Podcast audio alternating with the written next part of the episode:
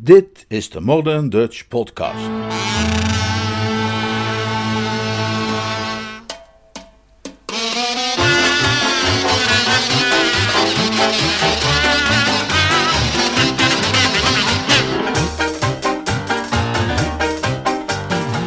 Geluk in de morgen. Een splinternieuwe vertaling van Joy in the Morning. Een Jeeves-roman van P.G. Woodhouse. Vertaald en voorgelezen door Leonard Beuger.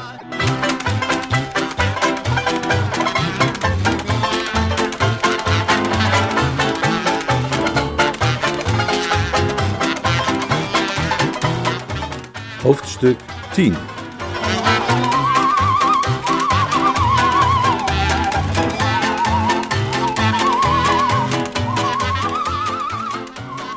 Tja, iedereen houdt natuurlijk van een mooie brand.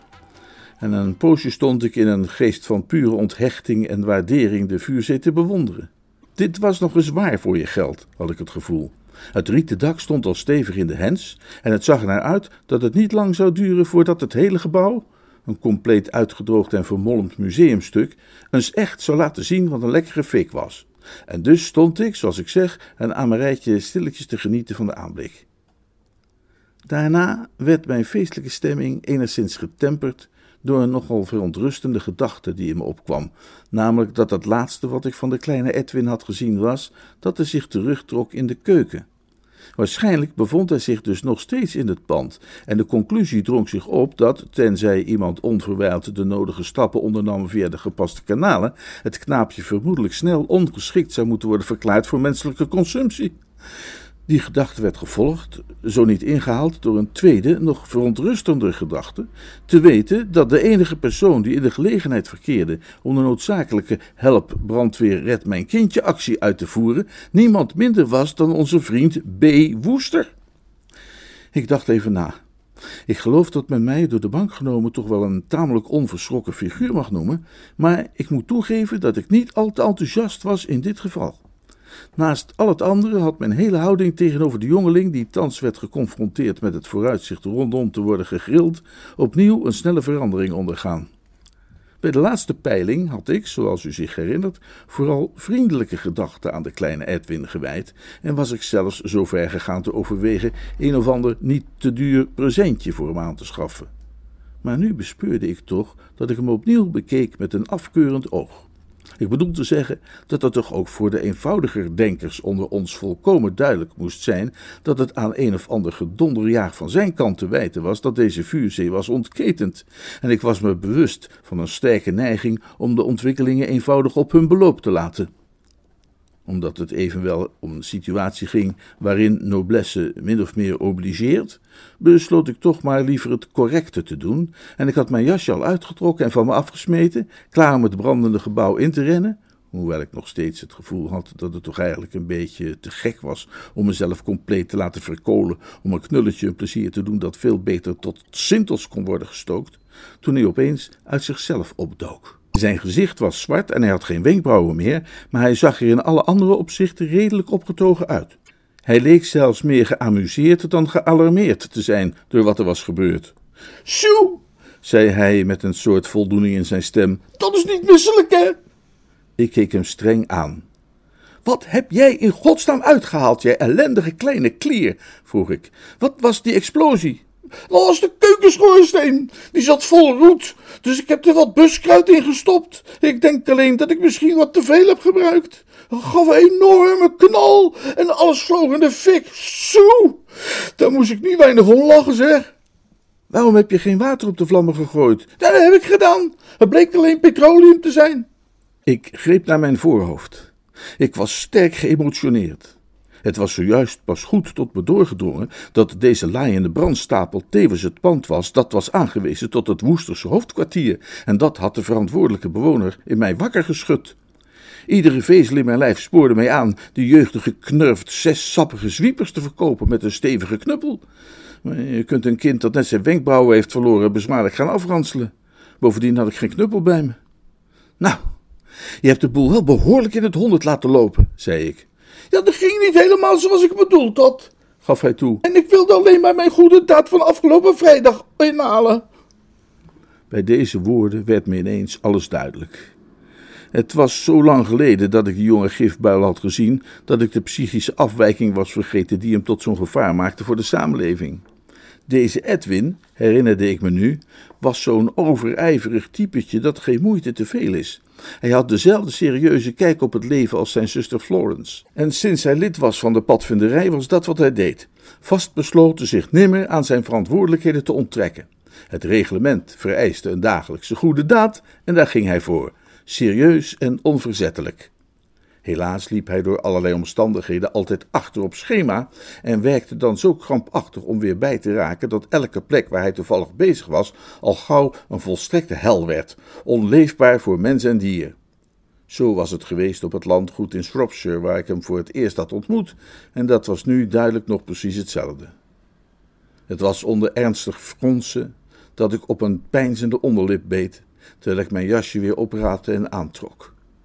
Een zwakkere persoonlijkheid zou bij de overweging dat hij was terechtgekomen op een plek die geïnvesteerd werd door niet alleen Florence Cray, veldwachter Cheesewright en oom Percy, maar ook door Edwin met zijn goede daden, zou waarschijnlijk zijn knieën hebben voelen knikken.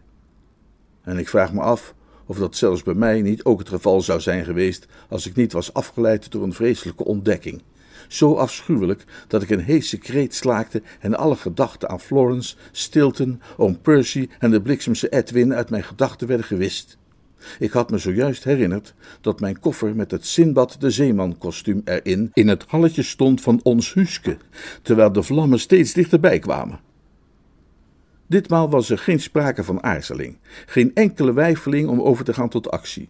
Toen het erom ging mijn leven te wagen om padvinders te redden, heb ik misschien wel even aan mijn kin gekrapt, maar dit was iets anders. Ik had die Sinbad nodig. Alleen door die te redden zou ik morgenavond naar dat gekostumeerd bal in East Wimbley kunnen gaan. Het enige lichtpuntje in een duistere en penibele toekomst. Nou ja, ik had misschien nog naar Londen kunnen gaan om iets anders te halen. Maar dat zou dan waarschijnlijk hoogstens een Pierrot zijn geworden. En ik had mijn hele hart gevestigd op die Sinbad met die rode bakkenbaarden. Edwin zei iets over de brandweer waarschuwen en ik mompelde afwezig iets instemmends. Vervolgens beval ik mijn ziel aan God en stortte me als een haas in de Vlammenzee. Nou ja, niet letterlijk als een haas, maar u begrijpt wat ik bedoel. Haastig. Snel. Tja. Achteraf gezien had ik me niet direct zorgen hoeven te maken. Het is waar dat er in de hal nogal wat rook hing, die in donkere, vettige wolken heen en weer golfde, maar niets om iemand angst aan te jagen die dikwijls aan Catsmeet Potter Purbright's lijzijde had gezeten als hij een van die sigaren van hem zat te smoren. Het was duidelijk dat de hele tent binnen een paar minuten één vrolijke vuurgloed zou zijn, maar voor het ogenblik waren de omstandigheden redelijk normaal. Dit is, kortom, niet het verhaal van een zo goed als tot as verteerde Bertram Woester dat ik te vertellen heb, maar eerder dat van een Bertram Woester die simpelweg zijn koffertje oppakte, een vrolijk wijsje floot en weer naar buiten huppelde zonder een schrammetje. Ik heb misschien één of twee keer moeten hoesten, maar meer ook niet. Hoewel het gevaar binnenshuis dan misschien bescheiden van aard was, buiten manifesteerde het zich in optima forma. Het eerste wat ik zag toen ik naar buiten kwam, was oom Percy die bij het hek stond. En aangezien Edwin inmiddels was verdwenen, vermoedelijk op zoek naar brandweerlieden en blusmiddelen, was ik alleen met hem onder de hemelkoepel. Iets dat ik sinds de dagen van mijn jeugd zorgvuldig had zien te vermijden. Oh, oh uh, hallo, oom Percy, zei ik. Uh, goedemiddag, goedemiddag. Een toevallige voorbijganger die mijn woorden had gehoord en de hartelijke toon had opgemerkt waarmee ze werden uitgesproken, zou er wellicht toe zijn misleid te veronderstellen dat Bertram zich op zijn gemak voelde. Dat was echter geen sinds het geval. Of er zich ooit iemand op zijn gemak had gevoeld in het gezelschap van deze oude griezel, kan ik niet zeggen, maar ik in elk geval niet. Mijn ruggengraat, en ik probeer dat feit niet te verbergen, verkeerde in verregaand pasteuze toestand. Dat zou u kunnen verbazen, aangezien ik in geen dele verantwoordelijk was voor de ramp die ons had getroffen en daardoor in feite niets te vrezen had. Een jarenlange ervaring heeft mij echter geleerd dat onschuld in dit soort gevallen geen enkele garantie biedt. Al is hij rein als vers gevallen sneeuw, of zelfs nog reiner, het is de man ter plekke die de wind van voren krijgt. Mijn beleefde groet lokte geen reactie uit. Hij staarde langs me heen naar het huisje dat nu zonder de geringste twijfel de totale ondergang tegemoet ging. ook al keerde Edwin terug met de verzamelde brandweerkorpsen van heel Hampshire, niets zou kunnen voorkomen dat ons Huske als een hoopje as zou eindigen. Wat? sprak hij met dikke tong, alsof zijn ziel was gekneusd, waarvan ik ook veronderstel dat zulks het geval was. Wat? Wat? Wat? Wat? Ik begreep dat hij daarmee, tenzij op een ander spoor geleid, nog wel enige tijd zou kunnen doorgaan. Eh, er is brand geweest, zei ik. Hm, wat bedoel je? Tja, ik had geen idee hoe ik dat erg veel duidelijker onder woorden had kunnen brengen. Eh, brand, herhaalde ik, terwijl ik met mijn hand in de richting van het brandende gebouwtje gebaarde, om duidelijk te maken dat hij zelf wellicht een blik zou kunnen werpen. hoe, maakt u het, oom Percy? U ziet er prima uit dat was eigenlijk niet zo. En ook deze poging om de spanning te verlichten door hem stroop om de mond te smeren, had niet het gewenste effect. Hij richtte een uitzinnige blik op mij, waarin hoegenaamd niet de geringste fractie aanwezig was van de liefde van een oom, en sprak met een soort holle, vertwijfelde stem: Ik had het kunnen weten. Mijn beste vrienden zouden me hebben gewaarschuwd dat er van komt als je een gek als jij je loslaat. Ik had kunnen raden dat het eerste wat je zou doen, nog voordat je je koffer had uitgepakt, zou zijn het hele verdomde pand in brand te steken. Nee, nee, niet ik, zei ik, want ik wilde ere geven aan wie ere toekwam. Edwin. Ah, Edwin, mijn zoon. Ja, ja, sorry zei ik meelevend. Ik, ik weet het, heel vervelend, maar ja, hij is inderdaad uw zoon. Hij, hij wilde hier opruimen. Van opruimen krijg je geen brand. Wel, als je het buskruid bij gebruikt. Buskruid? Daar heeft hij kennelijk een paar vaatjes van afgestoken in de schoorsteen om roetvorming tegen te gaan. Nu had ik uiteraard verondersteld, zoals iedereen zou hebben gedaan, dat deze openhartige uitleg mij van verdere vervolging zou hebben ontslagen. Dat hij mij zou hebben laten gaan zonder een smet op mijn blazoen. En dat de nogal persoonlijke toon die zijn opmerkingen ongemerkt hadden gekregen, meteen wel verdwenen zou zijn. Ik had eigenlijk verwacht dat hij mij zijn excuses zou aanbieden voor die schimpscheut van hem over een gek als jij, die ik dan welwillend zou aanvaarden, waarop wij dan als twee oude kameraden samen het hoofd zouden schudden over de impulsiviteit van de jongere generatie. Maar niets daarvan. Hij bleef me met die beschuldigende blik aankijken die ik al vanaf het begin zo onaardig had gevonden. Waarom heb jij die jongen alle duivels dan ook buskruid gegeven? Ik begreep dat hij nog steeds de verkeerde invalshoek hanteerde. Ik heb die jongen geen buskruid gegeven. Alleen nog een geboren idioot zou een jongen buskruid geven. Er is in heel Engeland niemand behalve jij die niet weet wat er kan gebeuren als je een jongen buskruid geeft. Besef je wel wat je hebt gedaan? Hè? De enige reden waarom jij hierin bent gekomen is dat ik een plek zou hebben waar ik een oude vriend zou kunnen ontmoeten en om bepaalde essentiële zaken mee te bespreken. En kijk nu eens wat daarvan is terechtgekomen. Dat, dat vraag ik je. Kijk daar nu eens naar. Ja, dat is eh, niet zo best, moest ik toegeven, terwijl het dak instortte, wat een regen van vonken veroorzaakte en een warme gloed over onze wangen deed trekken. En het is zeker niet bij jou opgekomen om water over de vlammen te gooien. Nou, bij Edwin wel, alleen heeft hij daar petroleum voor gebruikt. Zijn ogen werden groot en staarden mij ongelovig aan. Jij hebt geprobeerd het vuur te doven met petroleum. Je zou officieel krankzinnig verklaard moeten worden. En zodra ik een paar dokters bij elkaar kan krijgen, ga ik daarvoor zorgen ook. Wat dit gesprek zo lastig maakte was, zoals u wellicht heeft opgemerkt, de kennelijke onmogelijkheid om de oude sukkel duidelijk te maken wie de protagonisten waren in dit stuk en wat hun respectieve rol was. Hij was zo'n kerel die je wel eens tegenkomt, die maar twee woorden hoort van wat je tegen hem zegt. Ik denk dat hij zo was geworden door bestuursvergaderingen voor te zitten en voortdurend mensen af te kappen en aandeelhouders midden in een zin de mond te snoeren. Ik probeerde hem nogmaals in te prenten dat het Edwin was die, wat je zou kunnen noemen, het zware werk had gedaan, terwijl Bertram niet meer dan een onschuldige toeschouwer was geweest. Maar het drong niet tot hem door. Hij bleef ervan overtuigd dat het kind en ik bijeen waren gekomen, een quorum hadden gevormd en nadat we de boel met buskruid hadden laten ontploffen, de vuurzee hadden aangewakkerd met zorgvuldig toegediende eenheden petroleum. Waarbij we elkaar voortdurend zo gezegd hadden aangemoedigd vanuit het principe dat alleen teamwerk tot resultaat leidt. Toen hij eindelijk de aftocht blies na mij te hebben opgedragen Jeeves naar hem toe te sturen zodra hij was gearriveerd, herhaalde hij zijn mening dat ik eigenlijk niet vrij zou mogen rondlopen en zei te wensen, hoewel ik die wens absoluut niet met hem deelde, dat ik nog tien jaar jonger was, zodat hij mij ongestraft achterna zou kunnen zitten met dat rijzweepje van hem. Daarop trok hij zich terug en liet mij over aan mijn persoonlijke meditaties. Deze waren, zoals u zich wellicht kunt indenken, niet van de smeuigste. Het waren er evenwel niet te veel, want ik denk niet dat ik langer dan een paar minuten de kans had gekregen mij aan mijn meditaties te wijden, eer een ratelend en piepend geluid zich tussen de coulissen liet horen, en even later van links achter een voertuig op het toneel verscheen dat niet anders kon zijn dan een stationstaxi. Hij was zwaar beladen met bagage en bij nadere beschouwing zag ik Jeeves hoofd uit een zijraampje naar buiten steken. Het wonderlijke oude wrak, de taxi bedoel ik, niet Jeeves, kwam tot stilstand bij het hek. Jeeves betaalde de chauffeur, de bagage werd langs de kant van de weg gedeponeerd en eindelijk had Jeeves de gelegenheid met de jonge meester in gesprek te gaan, en dat was die laatste geen moment te vroeg. Ik had dringend behoefte aan zijn medeleven, advies en bemoedigende woorden. Tevens wilde ik hem de mantel uitvegen, omdat hij het was die mij al deze ellende had laten overkomen.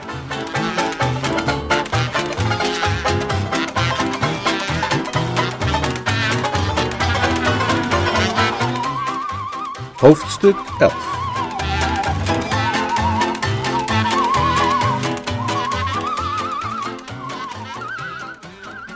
Jeeves, kwam ik in de aloude woeste traditie meteen ter zake. Een mooie boel is dat hier. Ja. De hel schudde op zijn grondvesten. Werkelijk, ja. De vloek is over mij gekomen. Zoals ik al gewaarschuwd had dat zou gebeuren als ik ooit Stiepel Bumpley zou bezoeken. Jij weet sinds jaar en dag hoe ik denk over die Melaatse kolonie hier. Heb ik niet keer op keer gezegd dat hoewel een warme bries verblaast de lomes werken boven Stiepel Bumpley, ondergetekende het altijd verstandiger heeft gevonden om daar absoluut weg te blijven? Ja, meneer. Precies, Jeeves. Misschien dat je een volgende keer ook werkelijk naar me luistert. Maar laten we alle verwijten luchtig aan de kant leggen hè? en ons tot de feiten beperken. Heb je gezien dat ons knusse huisje naar de Galamiezen is? Ja, meneer, ik heb het zojuist gezien. Dat heeft Edwin gedaan. Wat een joch is dat, Jeeves. Dat ventje geeft je het gevoel dat dit land iemand nodig heeft als koning Herodes. Een beginnetje gemaakt met buskruid en dan verder uitgewerkt met petroleum. Kijk me die smeulende ruïnes nu toch eens aan. Je houdt het nauwelijks voor mogelijk dat een mager joch in een kikkie hemd en een korte ribbeltjesbroek zo'n verwoesting kan aanrichten. Toch heeft hij dat gedaan, Jeeves, en met twee vingers in zijn neus. Begrijp je wat dat betekent? Ja, meneer. Hij heeft ons mooi een spaak in het wiel gestoken wat betreft die ontmoetingsplaats van oom Percy en zijn nautische kameraad. Je zult iets nieuws moeten bedenken. Ja, meneer.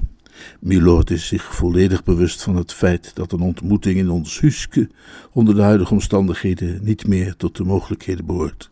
Je hebt er dus gesproken. Hij kwam de laan uit toen ik die binnenreed, meneer. Heeft hij je gezegd dat hij wil dat je bij de eerste gelegenheid met hem komt overleggen? Ja, meneer.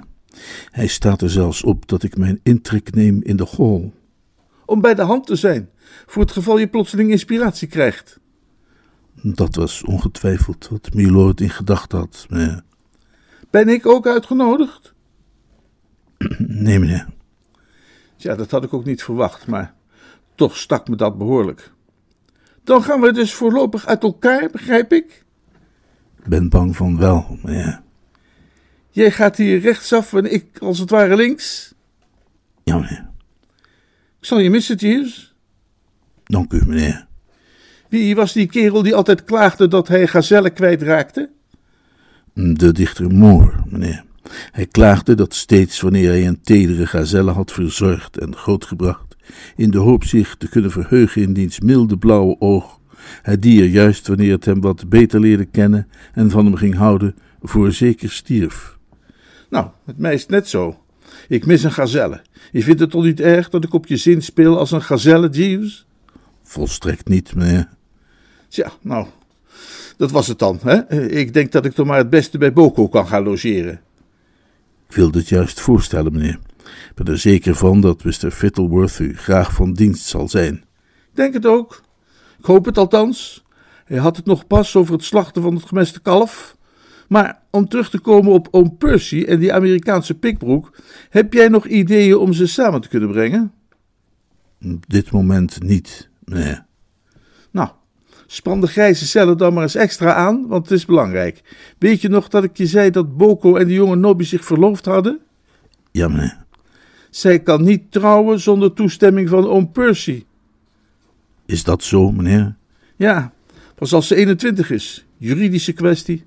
En dit is het punt, Jeeves. Ik heb nu geen tijd om je de volledige details te geven. Maar Boko, die stomme onnozelaar, heeft er eens iets ontzettend stoms en onnozels gedaan. Met als resultaat dat hij, hoe heet het ook weer, als je maakt dat iemand het schuim op de mond krijgt en stukken uit het tapijt begint te bijten?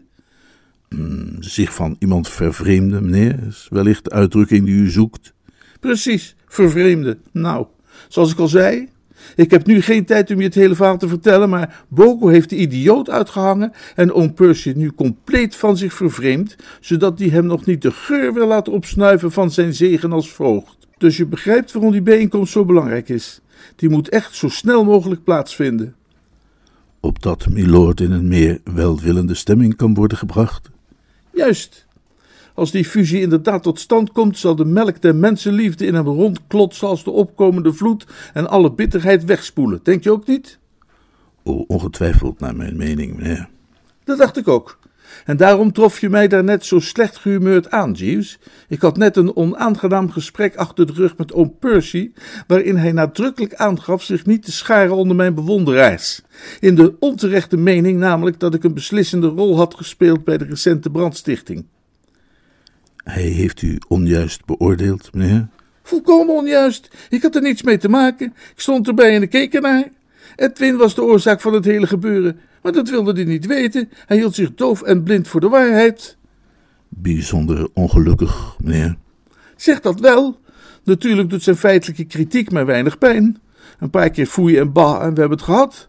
Bertram Woester doet niet moeilijk over een paar harde woorden. Hij glimlacht en knipt met zijn vingers. Het maakt mij totaal niet uit wat die oude schurk van mij vindt. En in elk geval heeft hij nog geen tiende gezegd van de dingen die tante Agatha in dergelijke omstandigheden te berde weet te brengen. Maar het punt is dat ik Nobby had beloofd dat ik een goed woordje zou doen voor haar geliefde. En wat me verdrietig maakte toen jij daar net aankwam, was de gedachte dat ik in die richting weinig gunstige mogelijkheden meer zie.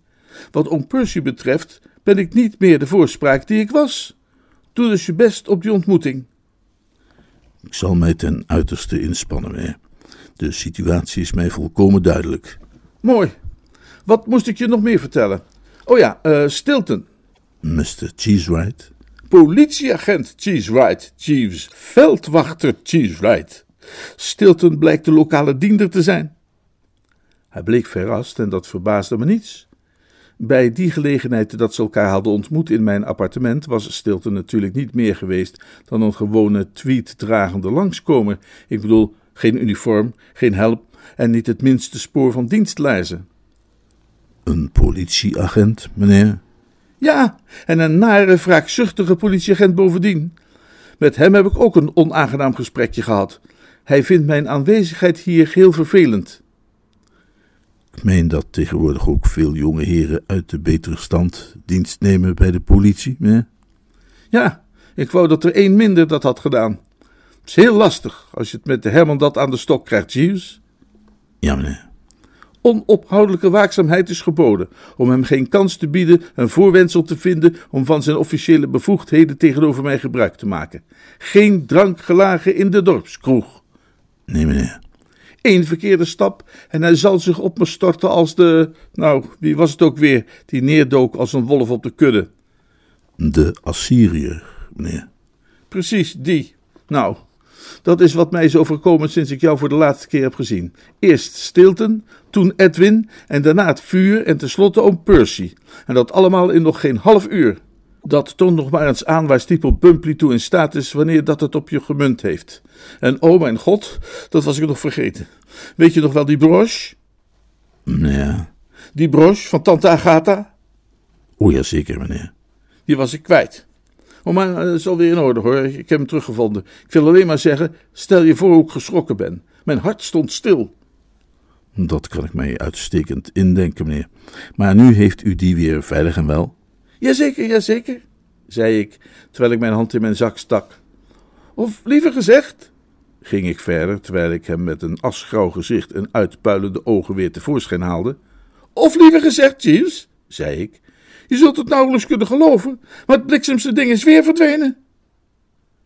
Komt af en toe voor, en ik heb hem daar wel eens voor moeten terechtwijzen, dat de man zo'n mededeling dat de wereld van zijn jeugdige meester volledig is ingestort, afdoet met een louter zeer verontrustend, meneer. Maar ditmaal was het duidelijk dat hij inzag dat deze ramp daar te groot voor was. Ik geloof niet dat hij ook verbleekte, en hij zei zeker ook geen Jan Dory of iets van die aard, maar hij kwam dichter dan ooit bij wat ze in de boeken soms met de drie sterretjes aanduiden. Ik zag bezorgdheid in zijn ogen, en ik had het idee dat als hij niet zulke rigide opvattingen had bezeten voor wat betreft de omgang tussen werknemer en werkgever, hij me op de schouder zou hebben geklopt. Dit is een serieuze ramp, meneer. Dat moet je mij nodig vertellen, Jeeves. Milady zal bijzonder misnoegd zijn. Ze gaat gillen van ergernis als je het mij vraagt. Heeft u een idee waar u die broche kunt zijn kwijtgeraakt, meneer? Ja, dat is precies wat ik probeer te bedenken. Wacht, Jeeves, zei ik, en ik sloot mijn ogen. Laat me pijnzen. Ik peinsde. Oh mijn god. Meneer. Ik heb het. De broche, meneer? Nee, Jeeves, niet de broche. Ik bedoel, ik heb de scène gereconstrueerd en gesnapt waar ik dat ding moet hebben verloren. Even op een rijtje. De boel vloog in de fik en ik bedacht me plotseling dat ik mijn koffertje in de hal had achtergelaten. Ik hoef je er natuurlijk niet aan te herinneren wat daarin zat. Mijn Simbad de Zeeman kostuum. Ah ja, meneer. Geen ge ah ja, Jeeves. Gewoon blijven luisteren. Ik bedacht me dus plotseling dat ik mijn koffertje in de hal had laten staan. Nou, je kent mij. Denken is doen, hè? Zonder een ogenblik te treuzelen rende ik naar binnen om het te pakken. Daar moest ik bij bukken. En door dat bukken moet het ding uit mijn zak zijn gevallen. In dat geval moet het zich nog in de hal bevinden, meneer. Ja, maar, moet je zien hoe die hal er nu uitziet. We keken er samen naar. Ik schudde mijn hoofd, hij schudde het zijne.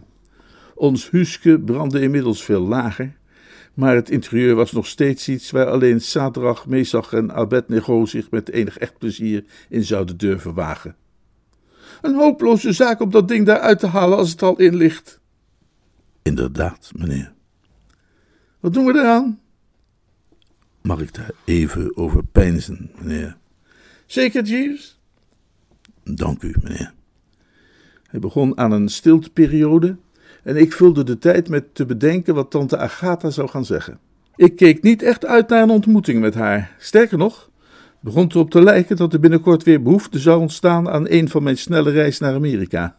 Zo ongeveer het enige voordeel dat je hebt van een tante zoals zij, is dat het je aanzet tot reizen, waardoor je de geest kunt verruimen en je nog eens nieuwe gezichten ziet. Juist, zei ik tegen mezelf, trek naar het westen, jongeman, toen ik toevallig een blik wierp op onze denker en zag dat zijn gezicht de intelligente uitdrukking had gekregen die altijd een echte kraker aankondigt. Ja, Jeeves? Ik denk dat ik een vrij eenvoudige oplossing voor uw probleem heb gevonden, meneer. Vertel op, Jeeves, en vlug graag. Wat ik zou willen voorstellen, meneer, is dat ik met de auto naar Londen rijd en bij de juwelier waar Milady haar exemplaar heeft gekocht een andere broche aanschaft ter vervanging van die welke verloren is gegaan. Ik overwoog dit. Het klonk veelbelovend. Hoop begon te dagen. Je bedoelt, zet een vervanger in, een invaller, een uh, remplaçant? Ja, meneer. En leveren die bij de geadresseerde af als het origineel? Precies, meneer. Ik overwoog nog even verder. En hoe langer ik dat deed, hoe sappiger het idee me leek. Juist, ik begrijp wat je bedoelt. Het principe is ongeveer hetzelfde als wat je gebruikte in het geval van tante Agatha's hond McIntosh. Niet heel verschillend, meneer. Daar bleken wij in het bezit te zijn van minus 1 Aberdeen Terrier, terwijl dat plus 1 Aberdeen Terrier had moeten zijn. Jij betoogde terecht dat het alle leden van dat bepaalde hondenras sterk op elkaar lijken en zette een wisselspeler in, met volledig succes. Inderdaad, meneer. Zou datzelfde principe ook werken met broches? Denk het wel, meneer. Lijkt de ene broche precies een andere? Niet zonder meer, meneer. Maar met enkele gerichte vragen zal ik duidelijkheid kunnen krijgen over het uiterlijk van de verloren snuisterij en de prijs die Milady daarvoor betaald heeft. Op die manier zal ik iets mee terug kunnen brengen dat vrijwel niet van het origineel te onderscheiden zal zijn. Ik was overtuigd. Het was alsof er een zware last van mijn schouders was genomen. Zoals gezegd had het kort daarvoor erop geleken dat Jeeves overwoog mij op de schouder te kloppen. Nu moest ik mij inhouden datzelfde bij hem te doen. Top, Jeeves! Dank u, meneer. Rem, ehm, wat is het ook weer? Accu titigisti, meneer. Ik had het kunnen weten, eh, dat jij een oplossing zou vinden. Doet me genoegen te weten dat ik uw vertrouwen geniet, meneer. Ik heb een rekening bij Espinals, dus uh, zeg maar tegen ze dat ze het op de lat zetten. Uitstekend, meneer.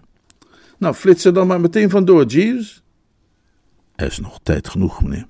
Ik kan ruimschoots voor sluitingstijd van de betreffende bijoutier in Londen zijn. Het lijkt me het beste alvorens daarheen te vertrekken nog even langs te gaan bij Mr. Fittleworth, om hem van de gebeurtenissen op de hoogte te stellen, de bagage bij hem achter te laten en hem te waarschuwen voor uw komst. Is waarschuwen hier het juiste woord? Om hem uw komst aan te kondigen, had ik moeten zeggen. Ja. Goed, maar zorg dat je niet te laat wegrijdt. We hebben niet veel tijd meer, denk eraan. Die broche moet vanavond nog zijn bestemming hebben bereikt. Het is de bedoeling dat het pakje straks bij het diner naast haar bord ligt.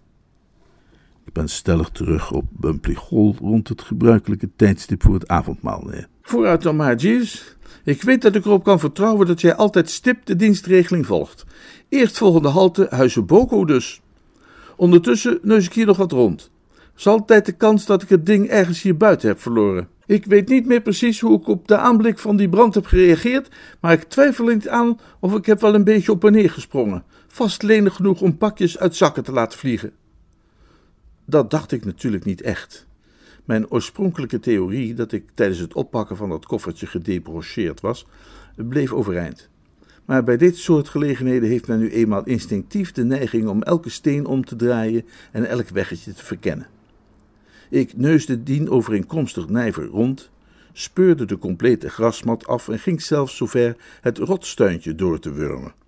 Maar als voorzien zonder resultaat. Het duurde dan ook niet lang voor ik mijn speurwerk opgaf en me richting Boko's huisje begaf. En juist was ik tot aan zijn tuinhek gekomen toen ik een fietsbel hoorde rinkelen. En passant viel mij op als een merkwaardig fenomeen dat de bewoners van Stiepel Bumpley praktisch niets anders leken te doen dan rondrijden op fietsen en rinkelen met hun bel. En zag ik Nobby komen aanrijden. Ik haastte me naar haar toe, want zij was precies het meisje dat ik dolgraag even wilde spreken. Ik stond te popelen om met haar het hele onderwerp van Stilton en zijn liefdesleven eens grondig uit te pluizen.